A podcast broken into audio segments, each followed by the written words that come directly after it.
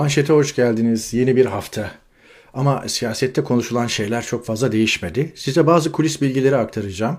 Bu kulis bilgileri Ankara'da çok konuşuluyor. Fakat e, tabii yazılıp çizilemiyor. Çünkü ne yazarsanız veya ne söylerseniz hemen sabahında veya anında kapınızda polis bitebiliyor. Tam anlamıyla bir istibdat rejimi var. Buna bakacağız. Hafta sonu İstanbul Maratonu'ndan hareketle çok renkli görüntüler vardı. Muhalefetteki son şekillenmeye e, bakacağız. Ve elbette e, Meral Akşener üzerine çok konuşuluyor. Tezkereye evet demesi, işte Lütfi Türkkan'ın bir küfür hadisesinden sonra e, grup başkan vekilliğinden alınması vesaire. Erdoğan'ın elbette sağlığı hep konuşuluyor. Antiparantez şunu söyleyeyim. Artık hasta bir cumhurbaşkanı var. Bu değişmeyecek. Tıpkı hasta Ecevit gibi. Nasıl ki o gün Ecevit'in artık geri döndürülemez bir biçimde sağlığının bozulduğu ortadaysa ve bir daha eski sağlıklı günlerini yakalayamayacağı o gün de ortadaydı. Sene 2002 idi. Bugün de aynı şekilde hemen herkes biliyor ki Erdoğan'ın ailesi de biliyor. Erdoğan artık ne geçen seneki gibi ne de ondan önceki seneki gibi olacak. Bitti yani. Ve gittikçe e, sağlık durumu kötüleşmeye, kötülemeye devam edecek. E, muhakeme ve muvazene sorunu yaşayan yani zihni ve fiziki e, sorunlar yaşayan hasta bir cumhurbaşkanı var Türkiye'nin.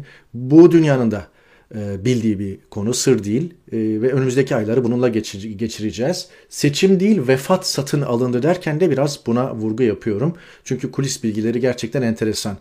Bazen e, kulislere e, hakim olmasanız, kulislere kulislerden haberiniz olmasa bile ortada dönen şeyler yani o kulislerin sonucu ortada dönen laflara veya hükümlere, analizlere baktığınızda o kulise ulaşabiliyorsunuz. Ee, bunun nasıl olduğunu da ilerleyen dakikalarda anlatacağım. Fakat benim mesela dikkatimi çeken şey şu.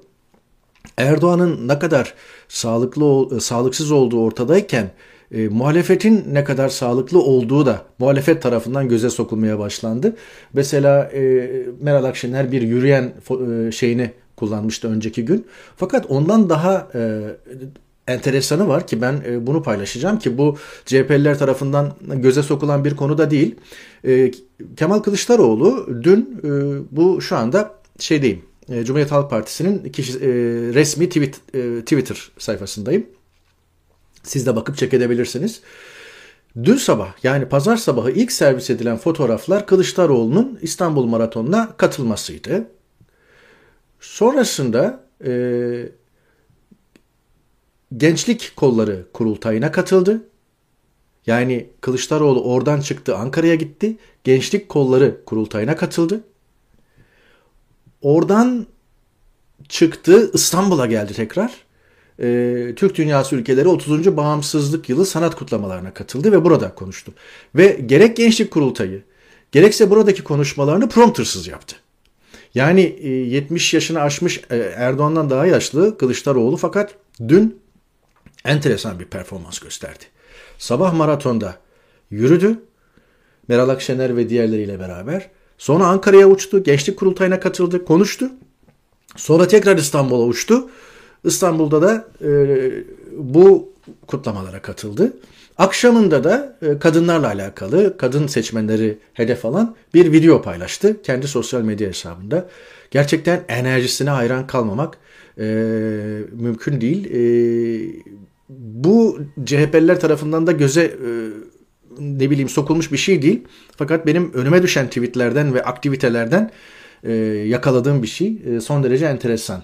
Şimdi e, Millet İttifakı'nın diğer unsuru İyi Parti'de ise Lütfü Türkkan e, meselesi konuşuluyor. Bir vatandaşa küfrettiği için asla kabul edilemez. Vatandaş haklı da olsa haksız da olsa, Lütfü Türkkan haklı da olsa haksız da olsa neticede tahrik edilmiş de olsa, kışkırtılmış da olsa, ne olursa olsun, ne kadar damarına basılırsa basılsın sen siyasetçisin, tecrübeli bir siyasetçisin. Böyle bir vartaya düşmeyeceksin görevden alınmış. Şimdi de işte efendim istifa etsin, milletvekilliğinden de alın falan diyorlar. Yani ne gerek var? Yani siyaset yapıyorsunuz Ankara'da. Yani e, siyasi olarak Lütfü Türkkan'ın e, siyasi hayatı bitmiş olabilir bilmiyorum. Ama bu konu onu çok zedelemişe benziyor. Epey bir süre kafayı kaldıracağını zannetmiyorum. Ama bu yeterli yani. Ne yapacağız? Ee, Erdoğan demiş ki işte efendim milletvekilliği de düşsün. Sonra hakkında hemen yargılama başlatacağız ve içeri atacağız falan. Sırada o mu var yani? Bazı e, olayların cezası hapis değildir. İktidar bunu her koşulda böyle algılıyor ama yani kişiler fa- farklı bedeller ödeyerek de cezalandırılabilirler. Şimdi e, dünkü maratonda evet bu görüntüler enteresan. Yani Kılıçdaroğlu'nun e, pazar günkü maratonunu özetledim size biraz önce. İlk e, madde buydu İstanbul Maratonu. Liderlerin e, göğüs numaraları dikkat çekiyor. Kılıçdaroğlu'nda 1923, e, Meral Akşener'de 2023 var. Bu bile seçilmiş. Mesela Kılıçdaroğlu'nun arkasındaki Canan Kaftancıoğlu'nun e, göğüs numarası ise 1919. E, Meral Akşener'in hemen arkasında da Ekrem İmamoğlu dikkat çekiyor. Beraberce yürümüşler. E, mühim bir şey. Yani e, bu kadar halkın içinde olmak, e, koruma duvarlarında yani vardır elbette koruma duvarı. Yani mesela hemen e, e, Akşener'in sağında görülen fotoğrafta hemen sağda görülen kişi belli ki e, polis yani. Hemen Kılıçdaroğlu'nun arkasındaki de öyle olabilir. Biraz arkadaki şapkalı kişi de öyle olabilir. Fakat mühim olan e, koruma tedbirlerini abartmadan ve e, liderlerin halkın içinde yürüyeceği e, bir ortam sağlamak. Koruma budur yani. E, bu şekilde halkın içerisinde gerçekten en doğal halleriyle e, yürüyebiliyorlar ve artık Erdoğan bundan uzak ve olmayacak. E, bu çok net, çok bariz. Başta da söyledim. Artık hasta bir cumhurbaşkanı var. Halktan gittikçe uzaklaşan, yani özenle servis ettikleri görüntülerde bile dökülen bir Erdoğan var. Son dönemini artık yaşıyoruz. Yaş- yaşanıyor, herkes görüyor. Kulislere birazdan bakacağız. O arada e, adayım dersem ittifak dağılır demiş Kemal Kılıçdaroğlu. E, ben stratejilerini bilmiyorum. Yani CHP ve İyi Parti Cumhurbaşkanlığı adaylığı veya güçlü parlamenter sistem meselesinde nasıl bir strateji götürüyorlar? Meral Akşener ben Cumhurbaşkanlığı aday değilim ben başbakanlığı adayım derken neyi kastetti bilmiyorum. Ya da işte biri Cumhurbaşkanı olacak, diğer partiler e, Cumhurbaşkanı yardımcısı olarak sıralanacak. İşte efendim ekonominin dümenine Ali Babacan geçecek falan gibi rivayetler var. Temel Karamollaoğlu da Cumhurbaşkanı yardımcılarından biri olacak falan. O sırada işte gene Cumhurbaşkanı yardımcılarından biri Meral Akşener olacak. E, fakat Meral Akşener bir koordinatör Cumhurbaşkanı yardımcısı olarak e, önümüzdeki işte efendim parlamenter sistemin geçiş dönemini planlayacak ve sonra başbakan olacak. Çok uzun planlar bunlar ve siz ne kadar planlarsanız planlayın bazen evdeki hesap çarşıya uymayabilir. E, adayım dersem ittifak dağılır derken de Kemal Kılıçdaroğlu e, belli ki adaylık meselesinin özür dilerim öksürdüğüm için adaylık meselesinin e, son ana kadar açıklanmayacağını söylüyor. Ancak Ali Babacan mühim bir konuya dikkat çekmiş. Seçimi açık farkla kazanmak lazım ki hile yapılamasın. Tıpkı İstanbul seçimlerinde olduğu gibi fark az olunca çaldılar diye tekrar oyları saydırdılar. Sonra da seçimi yenilettiler ama fark açılınca artık bu tür numaralara gerek kalmadı. Ali Babacan AKP'nin içinden gelmiş. 2018 Haziran ayına kadar AKP sıralarında milletvekilliği yapan biri olarak ve geriye doğru bütün politikalarda sorumluluğu olan biri olarak ve Erdoğan'ı ve çevresini en iyi tanıyan insanlardan biri olarak böyle söylüyorsa, sandıkları korumak lazım diyorsa Ali Babacan diyor ki yani çaldılar. Önceki seçimde de ondan önceki seçimde de referandumda da şurada da burada da e, seçimde az bir fark varsa AKP bunu kendi lehine yonttu diyor. Daha ne desin adam yani. Evet. Meral Akşener demişken Meral Akşener yeni bir siyasetçi değil. Onunla ilgili de bir iki şey söyleyeceğim. Özellikle HDP'ye dönük politikasıyla, tezkereye evet demesiyle, HDP'yi PKK ile HDP demek PKK demektir, PKK demek HDP demektir daha önce yakın zamana kadar işte HDP terörle arasına mesafe koysun diyordu. Pek çok muhalifin dediği gibi ama artık işi bir kademe daha ilerletti ve HDP'yi e, PKK ile e, paralel bir mevkiye çekti.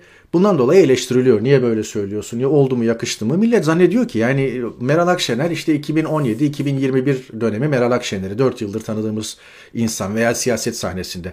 Tamam yani İyi Parti'de İyi Parti'nin kuruluşundan itibaren bir farklı Meral Akşener profili var gibi olabilir ama Meral Akşener yeni değil. Yani bu gözler Ankara muhabirliği yıllarında Meral Akşener'i İçişleri Bakanı iken takip etti. Sene 1996 idi, 97 idi, 98'di. 24 sene önce. Yani geriye doğru siyasi ve tecrübe, devlet tecrübesi olan bir isim. Bakın Meral Akşener'in Çiller'le bir fotoğrafı. Yeni nesil hatırlamaz. Tayyör yerine özel tim giysisi. Fotoğraflar Ali Eke Elmaz. Sabah gazetesinde çalışıyordu o zaman Ali Eke Yılmaz. Halen aktif mi bilmiyorum. Başbakan Yardımcısı Çiller'in özel harekat merkezini ziyaretine İçişleri Bakanı Meral Akşener de katıldı. İki kadın politikacı özel tim giysileri giyerek rehine kurtarma operasyonunu izledi. Meral Akşener e, ağaç kovuğundan çıkmadı. Yeni değil, damdan e, ne bileyim işte paraşütle inmedi. Evet, bakın kamuflajlarla.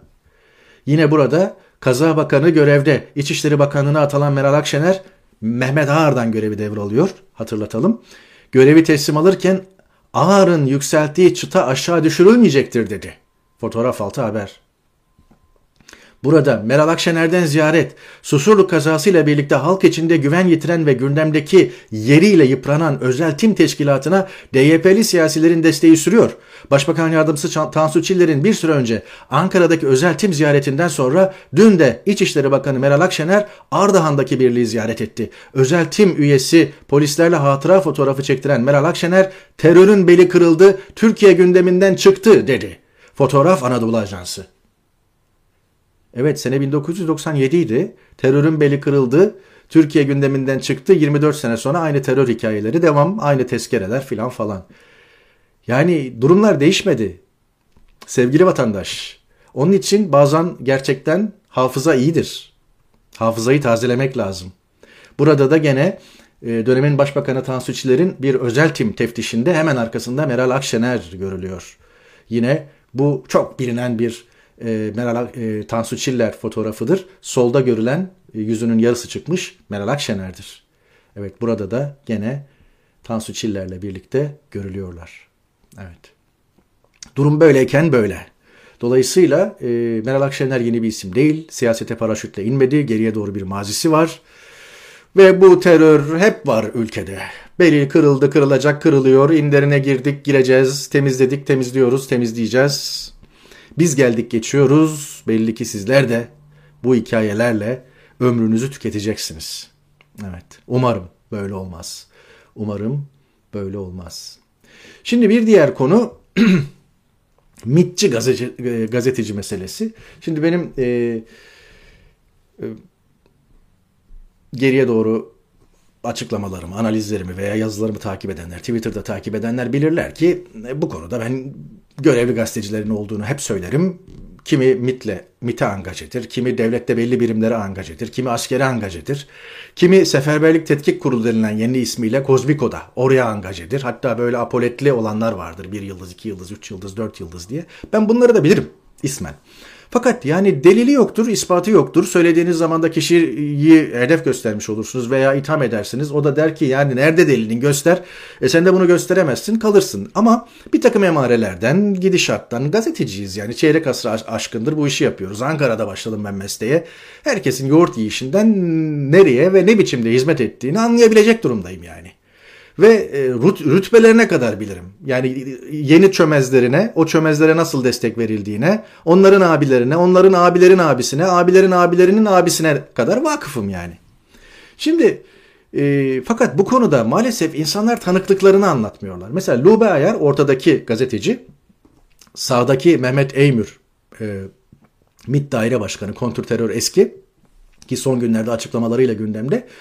Onun e, açıklamalarıyla e, işinden Habertürk'teki işinden e, Fatih Altaylı'nın e, Milli İstihbarat MIT e, baskısıyla e, veya MIT'in isteğiyle veya MIT'i rahatsız eden bir haber yüzünden Lube Ayar'ın Habertürk'ten Fatih Altaylı tarafından atıldığı ortaya çıktı ve bunu da Lube Ayar anlattı.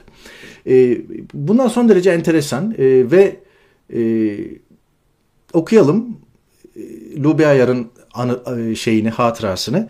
E, Mehmet Eymür'le e, görüşmesini e, anlatıyor. Evine gitmiş işte e, Habertürk'ten niye kovulduğunuzu biliyor musunuz diye sormuş Lube Ayar'a Mehmet Eymür. E, çünkü diyor şaşkına döndüm bilmiyordum. E, Habertürk'te yayınlanan bir manşetimi gösterdi diyor. Sanırım e, ben gazetedeyken yazmışsınız, ben hastanedeyken yazmışsınız. Bu yüzden o dönem kaçırmışım bunu. E, Haberim eski MİT Müsteşar Yardımcısı Miktat Albay hakkında yazılmış bir istihbarat raporuydu ve manşet şöyleydi. MİT'ten MİTçiye bel altı rapor. Ben bu yüzden kovulmadım ama aylar sonra Fatih Altaylı ile tatsızlık yaşadığım için kovuldum. Diyor. E sen öyle sanmışsın. diye cevap veriyor Mehmet Eymür. Miktat Alpay Fatih Altaylı'yı Ankara'ya çağırmış ve senin kovulmanı bizzat istemiş. Fatih Altaylı da ona şu cevabı vermiş. Şimdi kovarsam anlar ve ortalığı ayağa kaldırır. Bana biraz zaman verin. Onu bezdiririm. Kendisi istifa eder. Ve neticede aynen o, şekilde olmuş. Yani Lübe Ayar Habertürk'teyken MIT'i kızdıran bir haber e, habere imza atıyor. Genel yayın müdürü Fatih Altaylı MIT'e çağrılıyor veya aranıyor, konuşuluyor ve e, bu işe bir son ver deniliyor. Fatih Altaylı da ben şimdi atarsam bu haberden dolayı attım anlaşılır ben onu diyor yıpratırım birkaç ay sonra atarım e, anlaşılmaz. Ve Lube Ayar bir biçimde atılıyor birkaç ay sonra ve niye atıldığını bilmiyor. Aynen Fatih Altaylı anlattığı projede başarılı oluyor. Yani bir şekilde yıpratıyor ve başka bir gerekçeyle fırsat buluyor ve Lube Ayar'ı gönderiyor. Ve MIT'e verdiği sözü tutuyor. Bundan e, Lube Ayar'ın haberi olmuyor. Aklına bile gelmiyor 6 ay önce yaptığı e, MIT haberinden dolayı atıldığı. Evet. Böyle de Hinoğlu Hin bu e, MIT'e angaje isimler. Baba Ali Puştu derler. Kusura bakmayın e, bizim medya jargonunda böyledir. E, Hinliği görüyor musun? Ya şimdi atarsak bak şimdi şimşekleri üzerimize çekmeyelim. Bana birkaç ay izin verin ben bu işi halledeceğim. Böyle diyen ne genel yayın yönetmenleri ne haber müdürleri gördü bu gözler. Evet. Bir başka enteresan hikaye Akın Atalay yazmış ki Cumhuriyet'in eski imtiyaz sahibiydi ve içeride 550 günden uzun yattı. Ergenekon soruşturması kapsamında Cumhuriyet'ten bir gazetecinin ifadesi alınması sırasında dönemin ünlü savcısı ki muhtemelen Zekeriya Öz, ifadesi alınan gazetecinin, dikkat buyurun, ifadesi alınan gazetecinin istihbaratla ilişkisini gazetenin avukatının huzurunda ifşa etmişti. Seni bugüne kadar ifadeye çağırmamamız bu irtibat sayesindeydi. Yani Cumhuriyet'ten bir gazetecinin ifadesini alıyor Zekeriya Öz muhtemelen. Muhtemelen Zekeriya Öz. Ve diyor ki seni bu zamana kadar ifadeye çağırmadık. Ergenekon soruşturması. Seni bu, bu zamana kadar ifadeye çağırmadık. Çünkü MIT'le iltisakını biliyorduk. Ondan dolayı çağırmadık. Ve bunu gazetenin avukatının huzurunda söylüyor. İfadesinden sonra serbest bırakıldı. Yani ifadesini alıyor ve ondan sonra da bırakıyor. Yani bir gözaltı işlemi veya bir tutuklama işlemi de yapmıyor. Niye? MIT'le iltisakı var çünkü. Durum kendisine aktarılınca İlhan Selçuk aynen şöyle söylüyor. O zaman tabii Cumhuriyet'in her şeyi hayatta. Aman ses etmeyin. Her gazetede istihbaratla ilişkili kişiler bulunur. Biz hiç olmazsa birini öğrendik, bilmiş olduk. İlhan Selçuk'un vefatından 5-6 ay sonra ise işten atıldı diyor.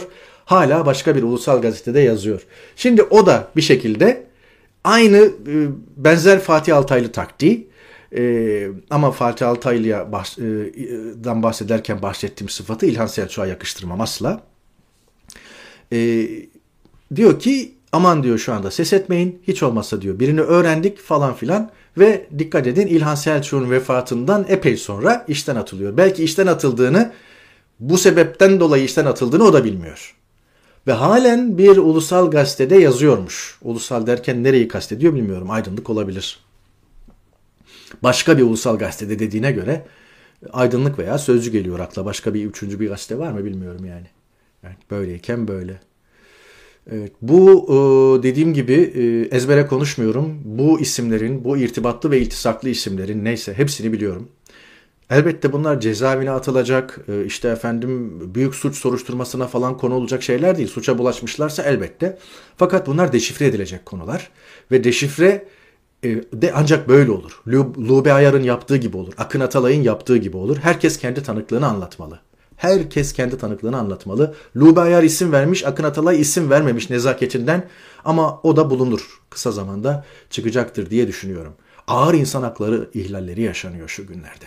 Ve rejimin işbirlikçisi bu isimleri ama ulusalcı gazetede çalışsın, ama ulusalcı bir kanalda çalışsın herkesin bilmeye hakkı var muhalif görünümlü bu mit iltisaklıları herkesin görmeye, bilmeye, öğrenmeye hakkı var. Sert günlerden geçiyor. Yani yarın öbür gün 20 sene sonra belgeseli çekilecek, kitabı yazılacak tamam. O, o günlerde ortaya o günlerde ortaya çıktığında kimsenin işine yaramıyor bu konu. Şu anda canlar yanıyor. Anlatabiliyor muyum? Bak Sezgin Tanrıkulu sabahki yayınında paylaşmış. Silivri'de yatar süreleri dolan, denetimli serbestlik hakkı kazanan yurttaşlarımızın koğuşlarının keyfi olarak değiştirildiği, bu haklarının yakıldığı bilgisi var diyor. Bırak hamileyi, işte yasaların uygulanmamasını, içerideki çocukları falan. Yatarı dolmuş. Doğru bir Türkçe mi değil mi bilmiyorum ama yaygın olarak kullanılıyor. Yatar süreleri dolmuş Yani cezasını çekmiş, ne ceza öngörülmüşse, hadi o da hikaye de, yargılama da hikaye, verilen ceza de. Hadi hepsini geçtik, kabul edelim. Fakat hala içeride tutulan insanlar var.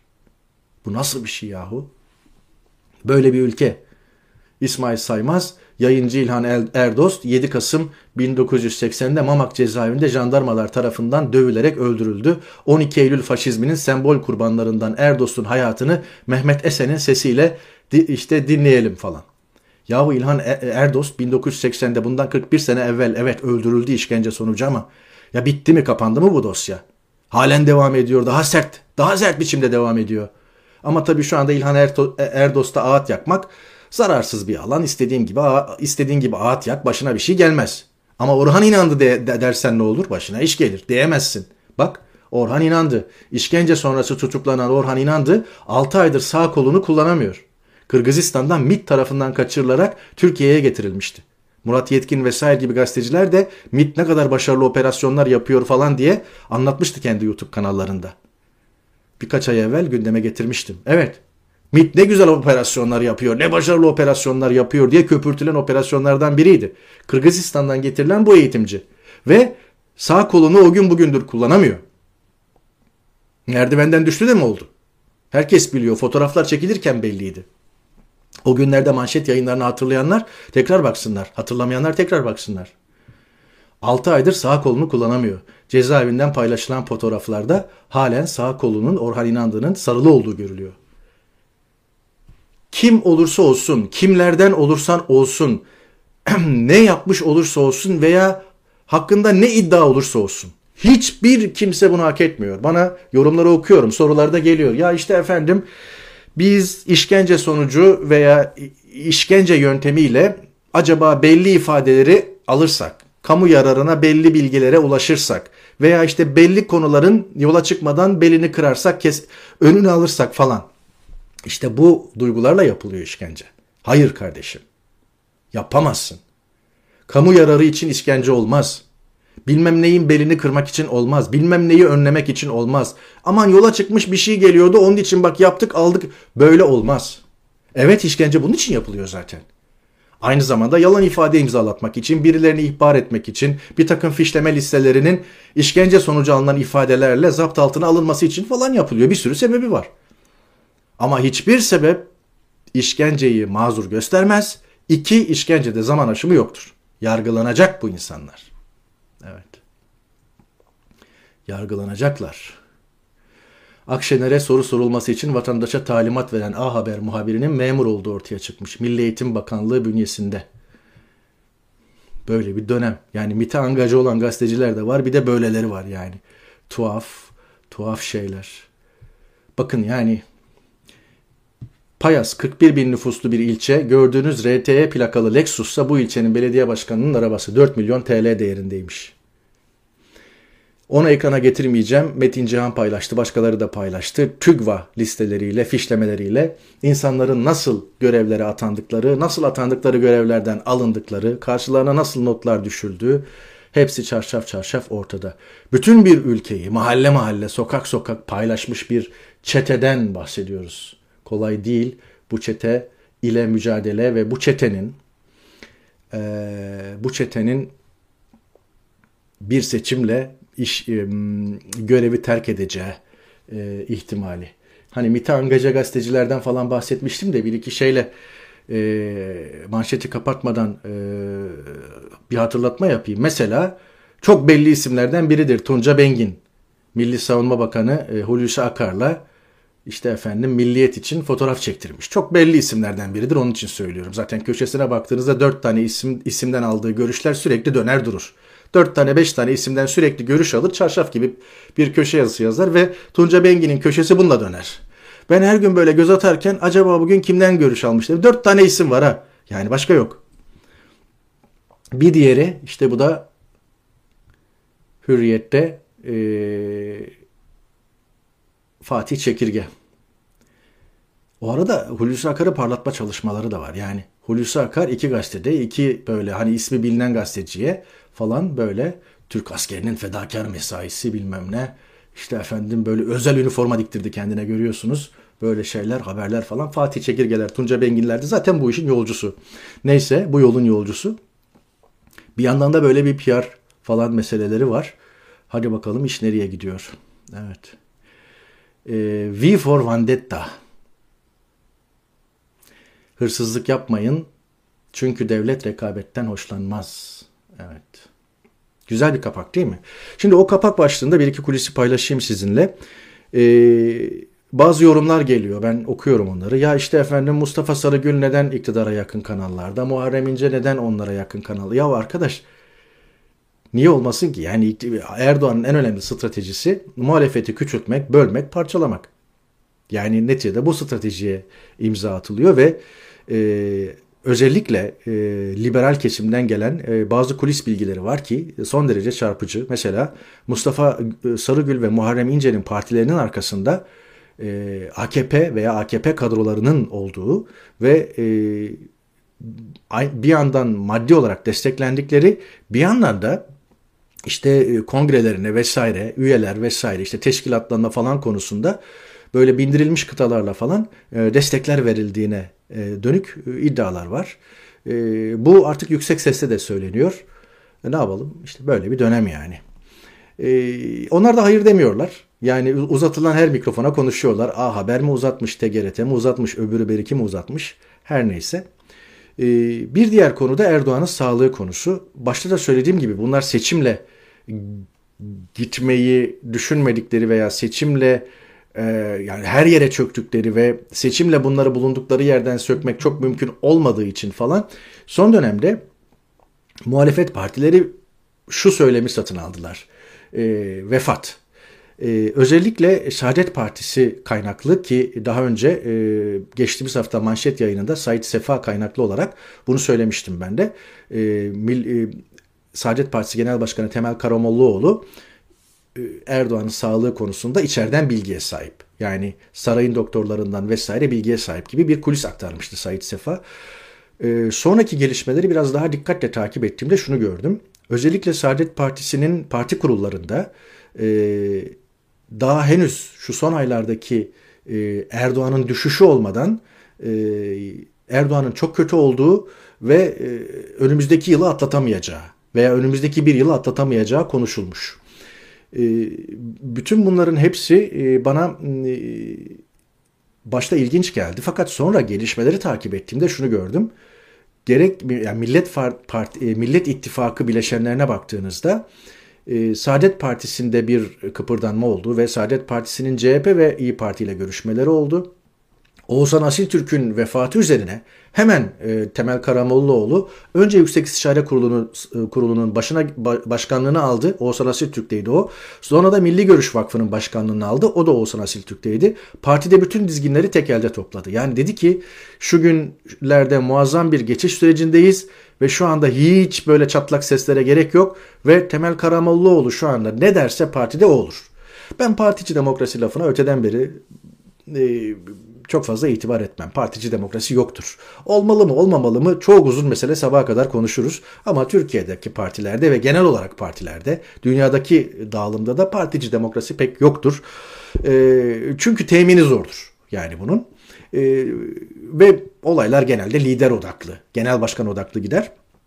Neticede böyle bir aşamada e, partide en ufak bir çatlak sesin çıkmasına izin vermeyecek tedbirleri aldı Temel Karamollaoğlu. O açıdan bir buna dikkat etmek lazım. İki, Liberal Demokrat Parti'nin eski genel başkanı ve Cem Toker e, son derece enteresan zeki tweetler atıyor. Dünya görmüş, dil bilen bir insan. bir tartışma ortaya attı. Millet İttifakı'nın diyor Cumhurbaşkanı adayının kim olacağından ziyade acaba diyor Cumhur İttifakı'nın genel başkan şey Cumhurbaşkanı adayı kim olacak? Ve bu çok destek buldu. Altına da bir sürü yorumlar geldi. Ve boşuna e, söylenen şeyler değil bunlar. Yani herkes zannetti ki Erdoğan kazanamayacağı seçime girmez. Dolayısıyla kendisi kenara çekilir. E, başka birini seçime sokar. Kaybedecek birini seçime sokar falan. Hayır öyle değil. Seçime Erdoğan'ın girmeyeceği veya bir şekilde Cumhurbaşkanlığı makamının boşalacağı hesap edilerek söylenmiş bir cümle gibi geldi bana bu.